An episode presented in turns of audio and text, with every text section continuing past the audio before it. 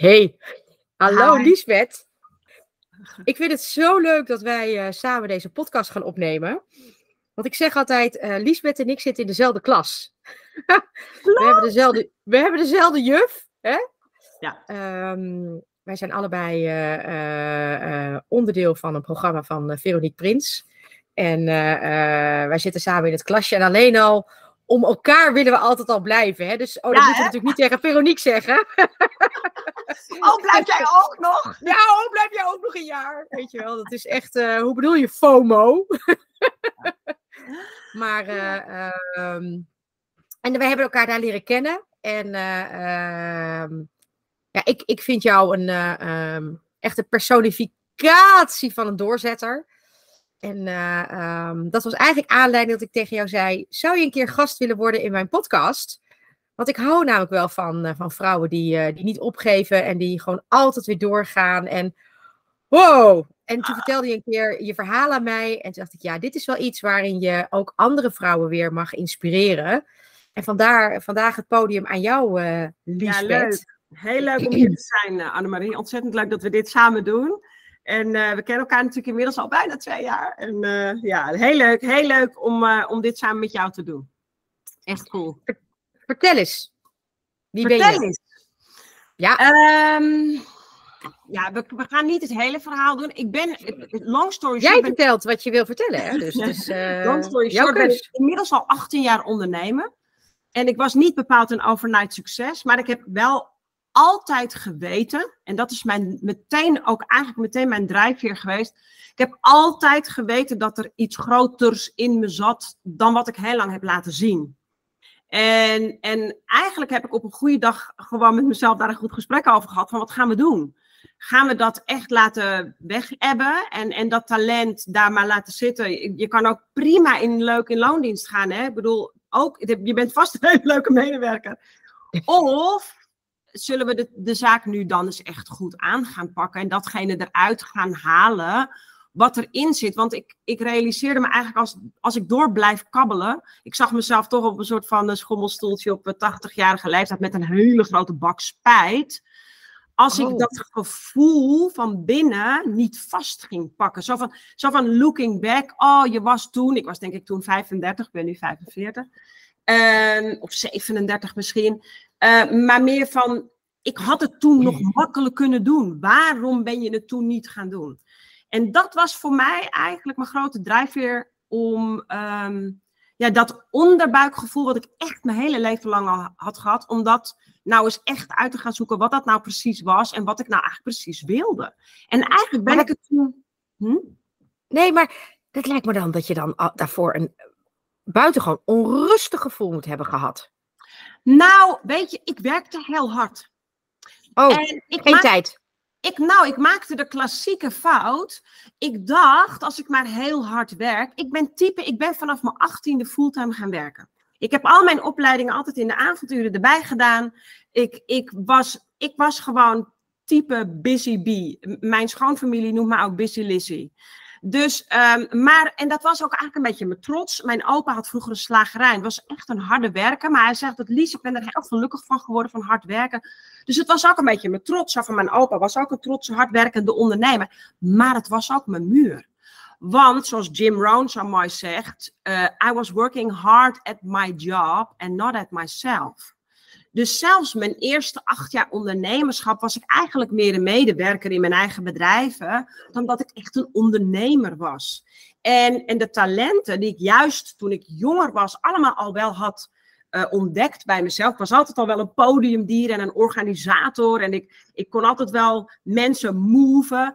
En eigenlijk had ik dat een beetje ehm, weg laten ebben. En, en, en was ik gewoon heel hard aan het werken. En dacht ik, klassieke fout, het gouden ei komt wel tot mij. En dat wordt dan een groot succes. En, en dat dat grap is, hè, dat, niet. dat, dat hard werken, hè, dat, is, dat is niet alleen bij ondernemers zo, maar dat is, is echt een, wel een vrouwending. Van dat we denken dat als we met hard werken en resultaten neerzetten, dan komen we er wel. Ja, En dat was echt een klassieke fout. En toevallig had ik het er van de week nog over met mijn man.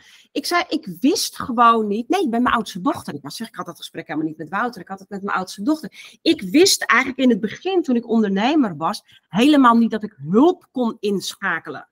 Was natuurlijk een hele andere tijd dan nu. Weet je, ik ben 18 jaar ondernemer. Toen ik begon met ondernemen, natuurlijk hadden we wel het internet, maar niet socials. Het was echt wel even anders. En, en eigenlijk had ik natuurlijk veel eerder hulp moeten inschakelen en, en daar lessen in moeten nemen. Maar eigenlijk toen ik me realiseerde dat ik het dus ging vastpakken, toen ben ik begonnen met persoonlijke ontwikkeling. En vanuit die persoonlijke ontwikkeling was het gewoon een domino-effect. En vanaf daar is het eigenlijk, ja, ben ik vrij snel datgene gaan doen waar ik wel gelukkig van werd. Ehm, en is het eigenlijk vanaf dat punt doorgegaan. En nog steeds was ik toen niet een overnight succes. Uh, en inderdaad, snap ik, snap ik ook jouw opmerking uh, dat jij zegt van ja, je bent echt een type, type doorzetter. falen was geen optie. Het Want? Wist, ik wist gewoon zeker dat het me ging lukken. Dus het maakte me ook niet uit als het wat langer zou duren of als ik fouten zou maken. Ik wist gewoon 300% zeker dat wat ik voor ogen zag, dat me dat ging lukken. Maar de grap is hè, dat je dat, je had het over je persoonlijke ontwikkeling. Maar is persoonlijk leiderschap niet altijd in wat je ook doet, essentieel? Essentieel. Essentieel. Maar ik moest dus wel echt mijn eigen ideeën weer omhoog gaan van, maar waar ben ik dan eigenlijk van nature heel goed in? En wat wil ik in dit leven nou eigenlijk bereiken voor mezelf, maar wie wil ik daarin ook inspireren? Ik had zoveel fouten gemaakt in mijn ondernemerschap, um, dat ik ook wel het gevoel had, ik heb best het een en ander te delen aan andere ondernemers, aan vrouwen met name. Ik heb ook mannelijke klanten overigens, ik werk ook met, uh, met mannelijke ondernemers. Want inmiddels help ik natuurlijk al talloze ondernemers met, met hun, eigenlijk hun pad van frustratie te verkorten. Dat is eigenlijk mijn doel. Uh, dat, het, uh, dat we fouten moeten maken, allemaal. Dat, dat, is, dat is, punt. Maar ik merk wel veel dat er veel ondernemers zijn die te lang in die frustratie blijven hangen.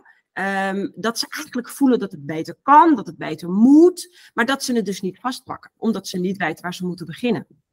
Ja, want het is heel grappig. Je zei net, um, ik had eigenlijk veel eerder hulp in moeten schakelen. Nou, ik kom natuurlijk uit een loondienstomgeving. Hè. Ik heb 25 jaar in een corporate gewerkt. Nou, neem van mij aan, ik wist niet dat het bestond hoor. En ik kom natuurlijk wel, uh, hè, toen ik twee jaar geleden koos voor ondernemerschap, uh, was ja. natuurlijk wel social media. Maar ik had echt nog nooit gehoord van het feit dat, je, dat ondernemers uh, daar hulp bij konden nee. krijgen. Ik bedoel, nee. ik ging naar de Kamer van Koophandel, ik schreef me in en ik volgde hun masterclasses. Ja, hè, en die gingen vooral over vul je canvas in en, en doe je aangifte op tijd.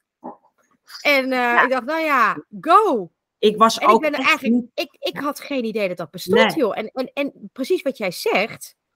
Toen ik erachter kwam, heb ik daar ook gelijk natuurlijk uh, maatregelen in genomen. Want ik ging voor een nieuw vak. Ja, Hè? en, en uh, uh, corporate medewerker werd jij natuurlijk ineens zelfstandig, werd jij ineens ondernemer. En dat ja. is een heel ander spelletje. Ja, en, en de grap is natuurlijk, hè, dat, dat zul je. Kijk, ik heb uh, dus altijd gekozen, of ik heb jaren natuurlijk gekozen voor een corporate uh, carrière. En um, nee, ik was geen ondernemer, maar ik was wel altijd al heel ondernemend. Ja. En ik zei wel tegen mijn mensen: eerlijk, zou jij deze investering ook doen als het je eigen bedrijf was? Ja. En zou je er dan ook zo makkelijk over doen als we de benefits helemaal niet halen, waarvan we allemaal van tevoren hebben gezegd: Oh, we gaan het allemaal nelen. Ja. Ik zeg, hoe zou je daarop... Ja, dus ik, ik geloof dus ook dat dat er natuurlijk altijd wel iets. Ja. En dat ja. was bij mij ook zo. Mijn laatste, mijn laatste baan, uh, die ik had tot mijn 27ste, uh, daar was ik ook echt onderdeel van het bedrijf. Ik dacht ook echt mee over de verbeteringen, over de hele bedrijfsvoering. En, en uh, ik had ook daar best een kans kunnen maken om daar partner te worden al maar ik zag dat er één dame in het bestuur zat die geen vrouwen rond zich dulde. Dus ik zag mijn kansen daar eigenlijk een beetje in water vallen. En toen, dat was ook echt het moment dat ik besloot, ja, maar dan ga ik het nu echt voor mezelf doen. hey, en dan toch even, je vertelt net, uh, in, helemaal in het begin, ja. uh, uh, over je reis als ondernemer, al 18 jaar. Maar dat je zo'n jaar of tien geleden een keer een, een, een heel duidelijk gesprek met jezelf hebt gehad. Hè? Ja. Had je een soort van een epiphany? Wat gebeurde ik, denk, er? ik heb dat altijd gedaan. Dat is echt heel grappig. Ik weet dat ik ook toen ik jonger was, woonde ik in Amsterdam. En toen deed ik eh, deelcertificaten eh, VWO. Want ik had mijn HAVO gehaald. Toen mocht ik uit huis. Bij Gods gratie mocht ik toen op kamers van mijn ouders.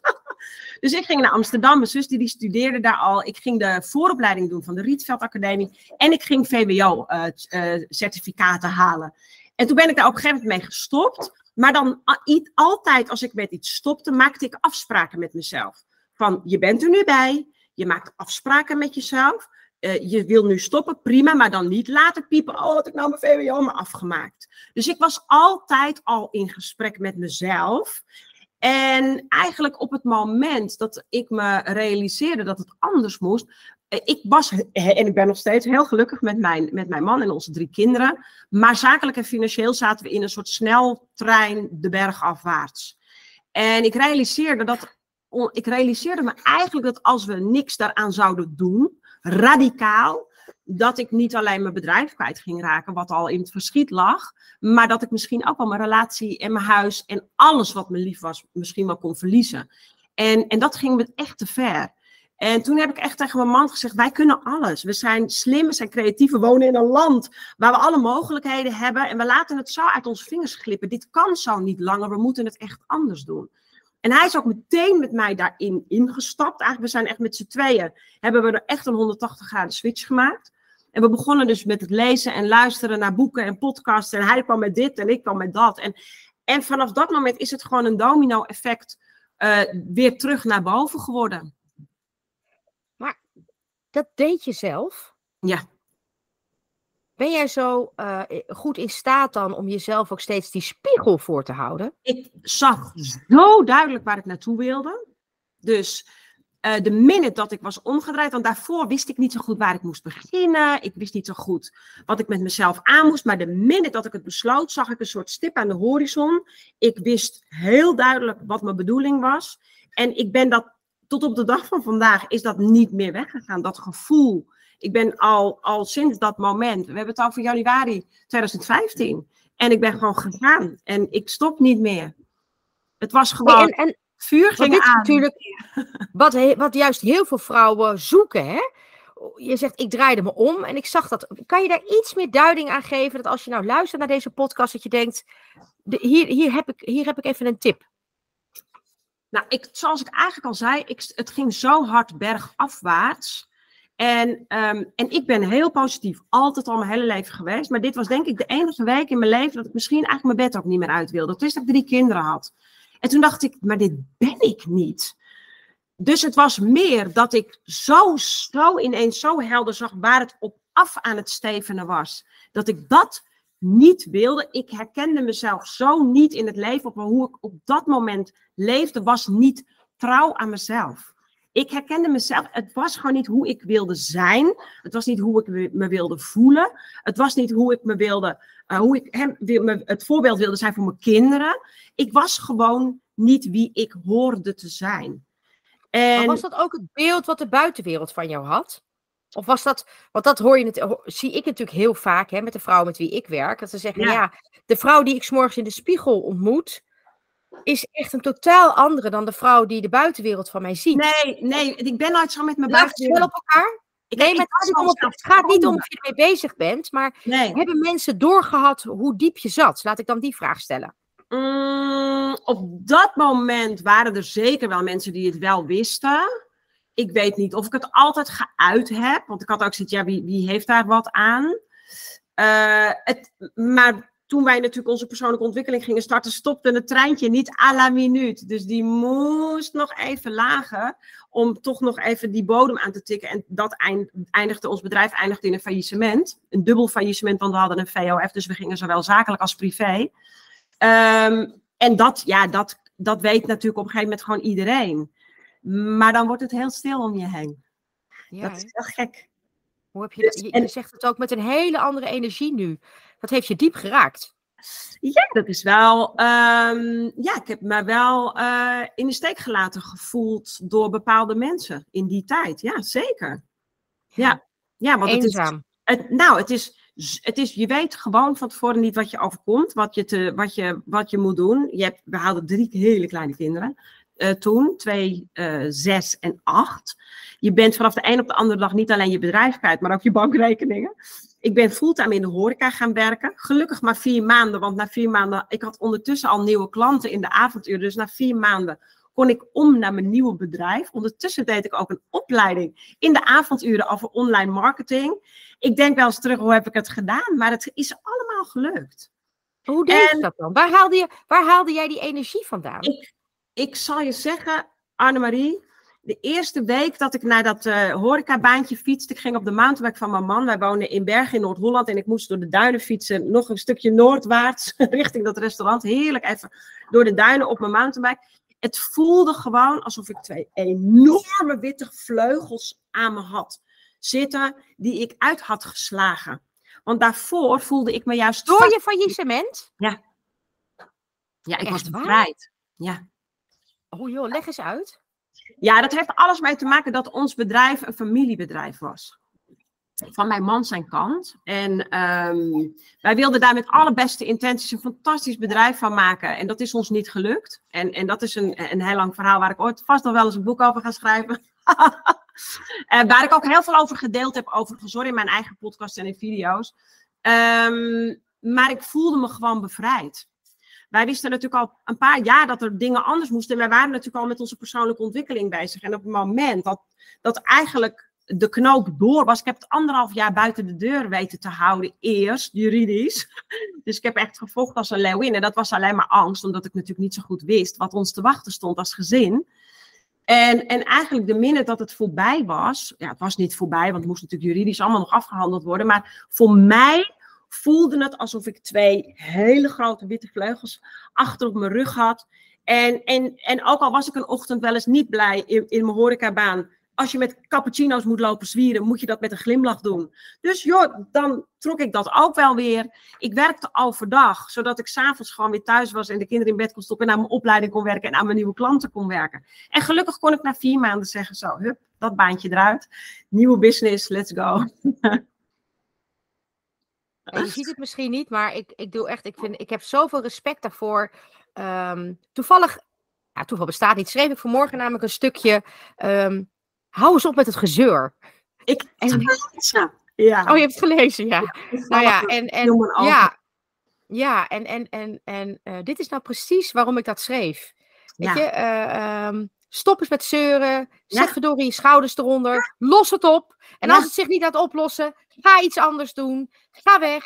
Maar stop in godsnaam met het eeuwige gejank en gezeur. En, en, dat, en, en dat is eerlijk. Dat begint, dat stoppen met gejank begint eerlijk zijn tegen jezelf. Wat kan jij vanaf vandaag verbeteren om uiteindelijk ergens anders te komen. Je bent niet in één keer daar, maar je kan wel vandaag beginnen met het nemen van een beter besluit. Met het, met het vertellen van een beter verhaal. En niet alleen dat, hè? Je kan er niet alleen vandaag mee beginnen, maar als je vandaag niet begint, weet je zeker dat je morgen niks doet. Dat. Dat is voor mij altijd, hè, als ik dan bijvoorbeeld ook hoor, maar dit gaat heel lang duren, zeg ik, nou, dan kan je beter maar vandaag gaan starten. Hè, want dan, uh, dan weet je zeker dat het in ieder geval één stap voor. Precies, maar in ieder geval weer één stap vooruit. Ja. En het grappige is juist dat we vaak denken dat als iets heel veel tijd in beslag neemt, of heel erg lang voor onszelf uh, duurt, dan beginnen we er maar niet aan. Nee, want dan is het die enorme berg. Ja, is... en pas geleden leerde ik van iemand en die zei tegen mij: Als ik naar een berg kijk, dan kijk ik alleen maar naar de eerste bocht. En dan denk ik: kan ik daar kom ik wel. Heel gaaf. En sindsdien, sindsdien is dat echt mijn nieuwe lijfspreuk. Want ik bouw namelijk heel graag hele hoge bergen. En, uh, en, dat, maar dat, geeft mij, dat geeft mij een drive. Maar ik kijk tot de eerste bocht. Ja, en, en zo heb ik het natuurlijk ook gezien. En er waren natuurlijk echt wel momenten dat ik baalde dat het niet sneller ging. Uh, ik, ik blijf ook gewoon maar een mens. En, en er zijn natuurlijk echt ook tijden geweest dat ik het even niet meer zag zitten. Maar ik dacht iedere keer. Kijk, ik zeg altijd ook tegen mijn klanten: de lijn gaat nooit zo. De lijn gaat natuurlijk zo. Hè, hij gaat met, met pieken en dalen. Maar uiteindelijk wordt hij wel steeds eh, steeds vlakker. In het begin zijn die pieken en die dalen veel hoger. En hoe verder je komt, uh, ja, is, is, dat hele onstuimige is er op een gegeven moment gewoon wel vanaf. Maar het was voor nou, mij. Ook daarvoor geldt, hè, toevallig, zei ik dat ook eh, eh, vorige week in een, in een podcast, omdat ik het er met iemand anders ook over had. Toen zei ze, ik zit weer in een dip. En toen zei ik, mag Ja. ik vragen, is de dip net zo diep als de vorige keer?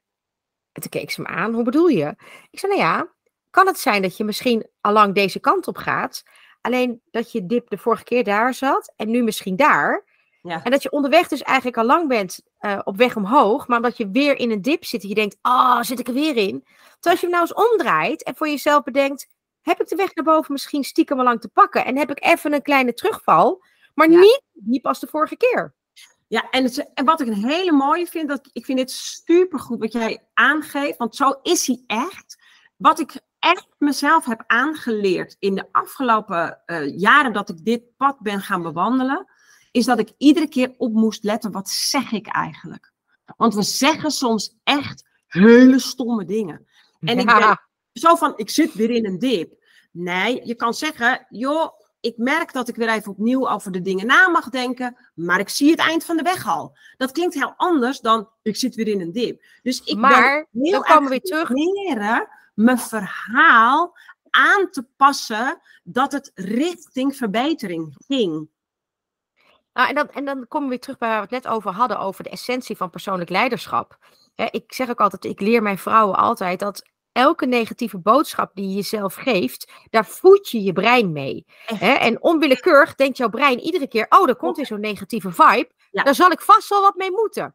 Ja. Terwijl als je het nou eens omdraait, en, en, en don't beat yourself up, maar gewoon geef jezelf ook gewoon positieve voeding. En ook je brein, eh, eh, ehm, hè, als je hem negatief heel goed weet te voeden, probeer het eens een keer een tijdje met alleen maar positieve signalen. En kijk eens wat dat doet, zomaar met een positieve mindset.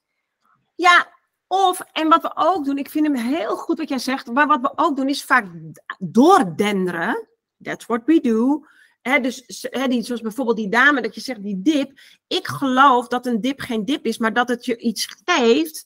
Kennelijk moet je ergens weer even over nadenken. Tegenwoordig, als ik die aan voel komen, ook ik zit weer ergens op te broeden, dan geef ik mezelf echt wat meer tijd. Dus ik maak mijn agenda heel bewust wat, wat, eh, wat leger. Dus ik ga alles veel meer batchen en in strakker intimen, zodat ik meer lucht krijg, thinking time zodat dan de dip of de nadenktijd eigenlijk sneller gaat. Zodat dat ijs sneller gelegd is en je dus weer sneller door kunt gaan. In plaats van altijd maar doordenderen, doordenderen. En dat ei eigenlijk niet gelegd wordt. Want dat is, ik vind een dip, is dan kennelijk moet er weer iets nieuws komen. Het wil je vaak iets zeggen. hè? En dat is ook, nou ja, het lijkt wel alsof we dit helemaal voorbereid hebben. Maar precies daarom dat ik ook altijd zeg, reflecteer nou elke dag even. Maak er gewoon, want jij zegt nu, ik, ik, ik, ik druk mijn agenda meer in elkaar, zodat er tijd voor mij ontstaat. Hè?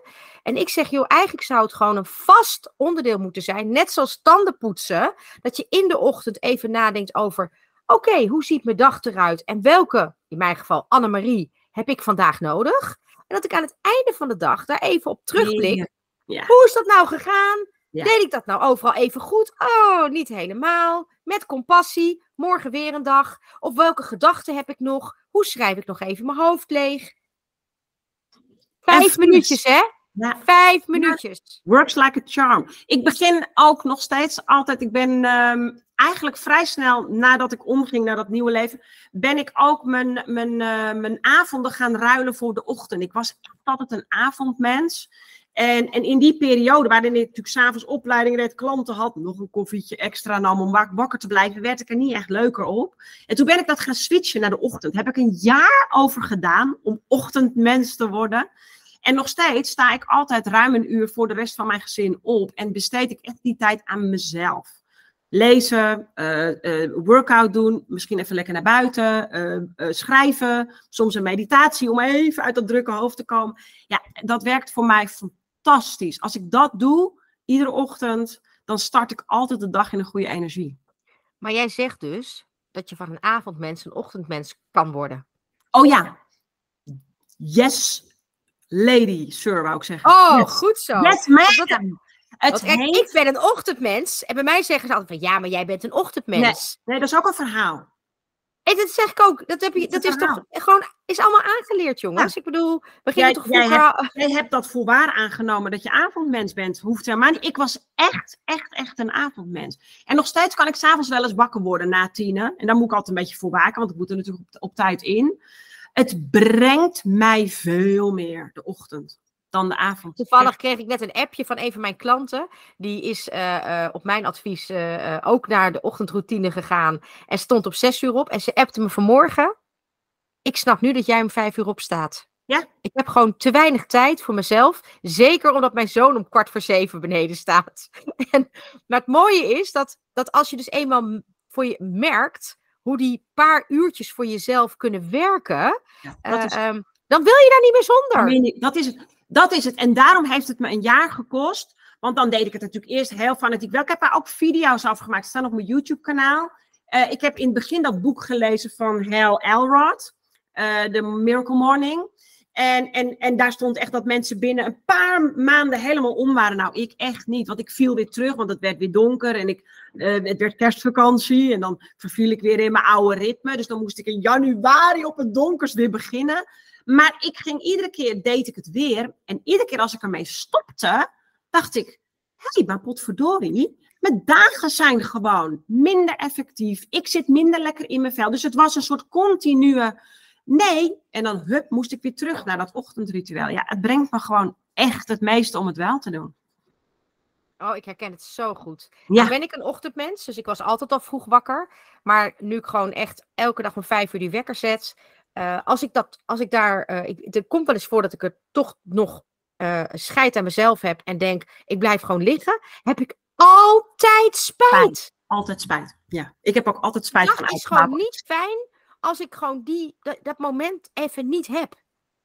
Nee, ik weet het. Ja, ik heb precies dezelfde ervaring. Ja. En de grap is, ik heb een tijdje terug, dacht ik, uh, want ik, ik, ik vertel het namelijk, het is ook een vast onderdeel van mijn programma, namelijk hè, goede routines, fijne rituelen. Want ik altijd zeg, daar word je gewoon een veel aangenamer mens van. Klopt, echt. En ik was er eigenlijk een tijdje mee gestopt.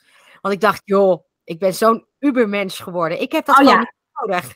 Ik ben al gewoon, ik heb niet meer die routines nodig. Voor mij werkt het allemaal als vanzelf. Nou, in my face.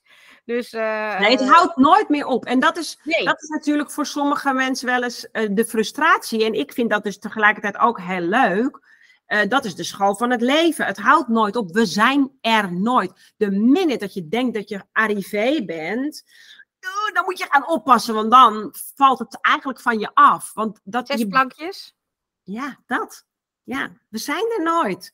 En ik denk dat, dat, juist, dat je dat juist mag omarmen, dat groeiproces. Want we proberen natuurlijk naar een hè, punt te komen. Ja, als je natuurlijk doelen hebt gesteld en je, je bent in, begint in de buurt van je doel te komen, dan, dan komt er natuurlijk alweer wat nieuws. Ja, ik, ik geloof oprecht, en ik, ik noem dat growth happiness, uh, dat wij oprecht het gelukkigst worden als we die groei najagen. Niet omdat we nou per se jongens, dit gaat niet over geld. Dit gaat niet over. Maar dit gaat gewoon over iets innerlijks. wat altijd weer gevoed wil worden. En wat altijd weer trots is als we iets nieuws neerzetten op onszelf. Ja, ik vind dat een heerlijk gevoel. Dus ja.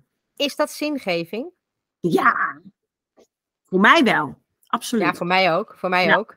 Ja. En mooi dat we dat. Uh, want, uh, gisteren had ik het daar met een groep vrouwen over in mijn, uh, mijn masterclass. En die die hadden nog de connotatie bij het woord zingeving, dat we dan allemaal zeg maar minimaal 60 uur in de week bij een een of ander ja. caritatieve instelling moeten werken. Dat je dan alleen maar zingevend bent. Ik zei, nee, nee, het gaat erom dat je voor jezelf het gevoel hebt dat wat je doet, dat dat zinvol is. Ja. Of dat nou zinvol is voor jou, ja. of voor je naaste, of uh, voor je team, voor je collega's, whatever. Maar het, het moet jou het gevoel geven dat wat je doet, dat het zinvol is. Ja, dat het wat bijdraagt eigenlijk. Ja. Kijk, en dat begint, ik zeg altijd, alles begint bij jezelf. Je doet alles voor jezelf. Daarnaast hebben we natuurlijk mooie missies. Jij helpt mensen, ik help mensen. Maar het gaat om jezelf. Maar als jij jezelf dus niet voedt, en eigenlijk dus die zingeving bij jezelf al niet ja, op kunt roepen eigenlijk, ja, dan kun je het eigenlijk ook niet doorgeven.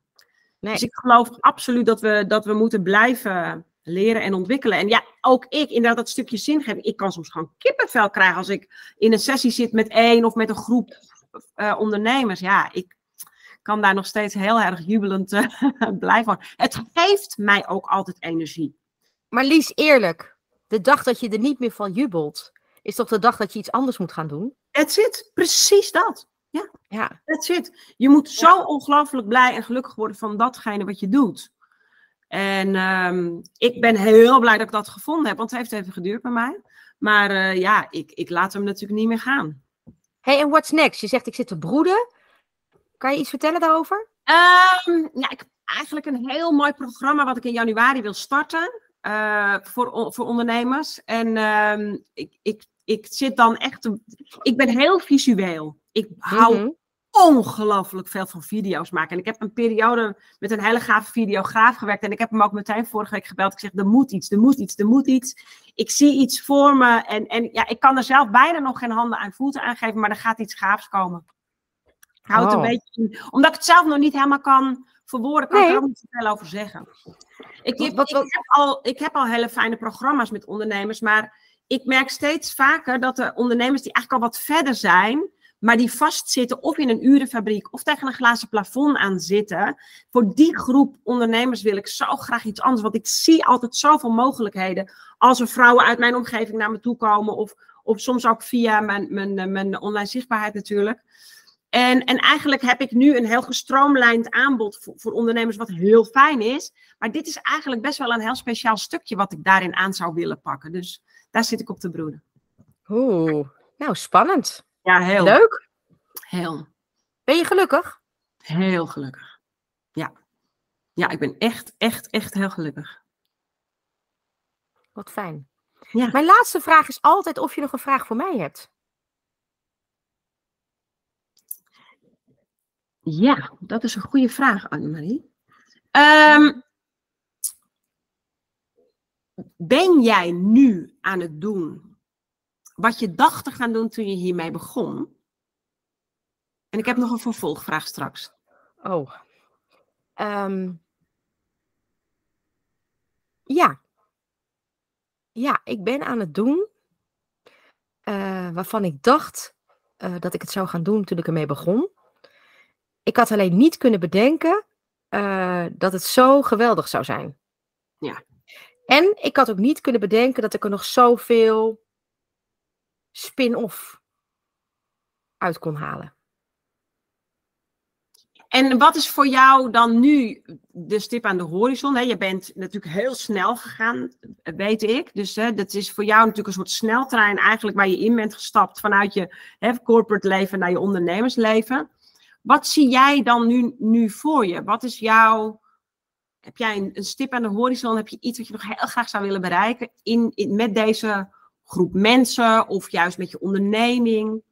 ik zou nog veel meer willen spreken over eh, de kracht van persoonlijk leiderschap. Ja. En of dat nou is voor vrouwelijke ondernemers of ehm, eh, voor eh, vrouwen in, in corporate of grote bedrijvencarrières. Ik zou zoveel meer nog willen spreken en ze willen overtuigen van alles wat nog in hun eigen regelruimte zit. Ja. Want ik hoor zo vaak dat we denken dat we slachtoffer zijn van een situatie.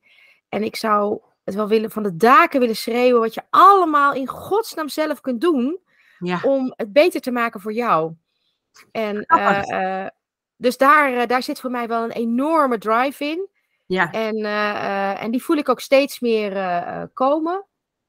Dus daar zit wel echt. eh, eh, ehm, daar zou ik echt veel meer tijd voor vrij willen maken. Ja, dus dat je eigenlijk dat die boodschap een groter draagvlak gaat krijgen.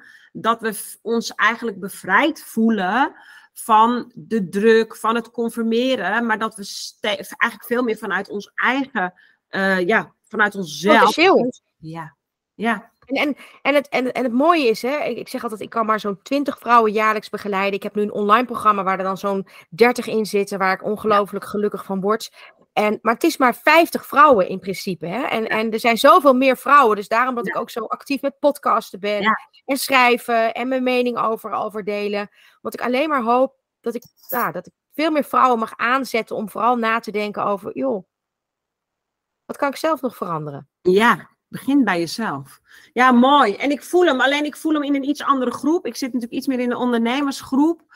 En waar ik natuurlijk ook ongelooflijk veel vrouwen voor me krijg. Ik was laatst bij een heel mooi vrouwennetwerk. Waar er toch echt heel veel vrouwen zagen die heel veel beren en leeuwen op hun weg zagen. Eh, en, en heel graag willen. maar het er eigenlijk niet uitkomt. En, en dat vind ik zo ongelooflijk zonde als ik dat soort verhalen hoor. Dus ik voel enorm, dat stukje empowerment voel ik enorm. En Ja. ik heb ook altijd gezegd, ik ga ook echt nog de jongere doelgroepen aanspreken op dit stukje. Want als je het, hoe eerder je het weet, dat je voelt dat je het mag gaan doen, Ja, eh, ja, hoe groter de kans is dat je het gaat doen. zeker. Mooi. Dank je. Ja, jij bedankt voor dit mooie Heb je alles kunnen zeggen wat je wilde vertellen? Vast niet. volgens mij, ik ben nooit uitgebreid. Nee, volgens mij is de essentie, kijk, is, is overgekomen. En daar gaat het om. Dat, ehm, en dat zeg ik ook altijd, als ik het kan. Weet je, ik ben niet zo bijzonder. Eh, anderen kunnen dit ook. Ehm, ik, ben niet knapper, ik ben niet eh, slimmer. Ik, ik, ik heb, weet je, het begint bij jezelf. En je mag alleen maar voelen dat het oké is om te gaan. En, en natuurlijk zijn er mensen die er wat van vinden. Ik zeg altijd tegen mijn klanten: natuurlijk vindt iedereen wat van je. En een seconde later zijn ze je alweer vergeten, want zo belangrijk ben je nou ook weer niet. Weet je wel, dus, dus ga gewoon als je voelt ergens in je onderbuik dat, dat je te gaan hebt. En wel- welke weg dat ook is. Of we nou inderdaad eh, in, een, in een groot bedrijf werken met anderen of een eigen bedrijf hebben, dat maakt niet zoveel uit. Leren naar jezelf te luisteren, trouw zijn aan jezelf, dat, ma dat maakt dat ik nu volmondig kan zeggen dat ik heel gelukkig ben. Ik heb echt naar mezelf geluisterd. Dank. Graag gedaan.